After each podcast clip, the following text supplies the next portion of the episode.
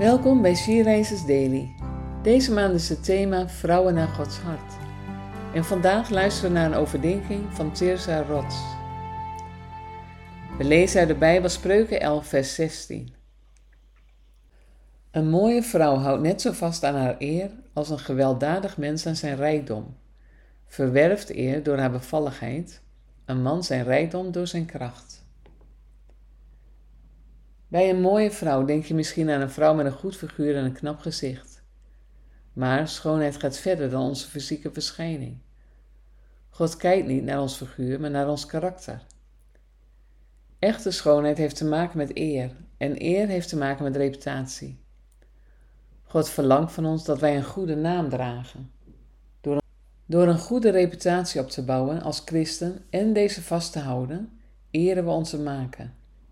Hoe sta jij bekend in jouw omgeving? Leidt jouw gedrag ertoe dat anderen jou respectabel achten?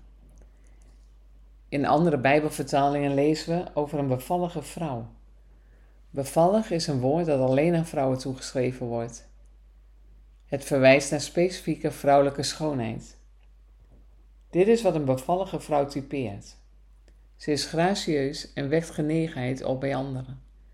Een bevallige vrouw toont liefde en vriendelijkheid naar de mensen om haar heen, waardoor anderen graag in haar nabijheid zijn.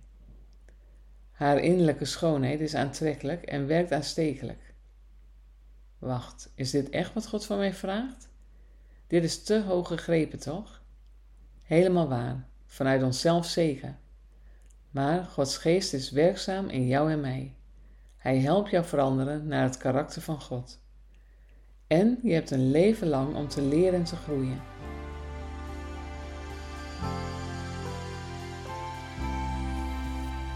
Sta jij bekend om je liefde en vriendelijkheid in jouw omgeving?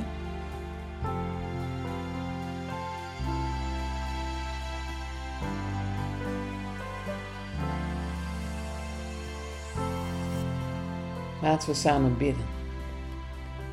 Help mij God een eervolle vrouw te zijn in Jezus' naam. Amen.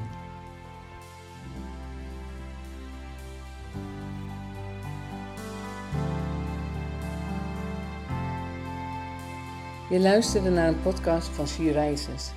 She Rises is een platform dat vrouwen wil bemoedigen en inspireren in een relatie met God. Wij zijn ervan overtuigd dat het Gods verlangen is dat alle vrouwen over de hele wereld Hem leren kennen. Kijk op www.she reizers.nl voor meer informatie.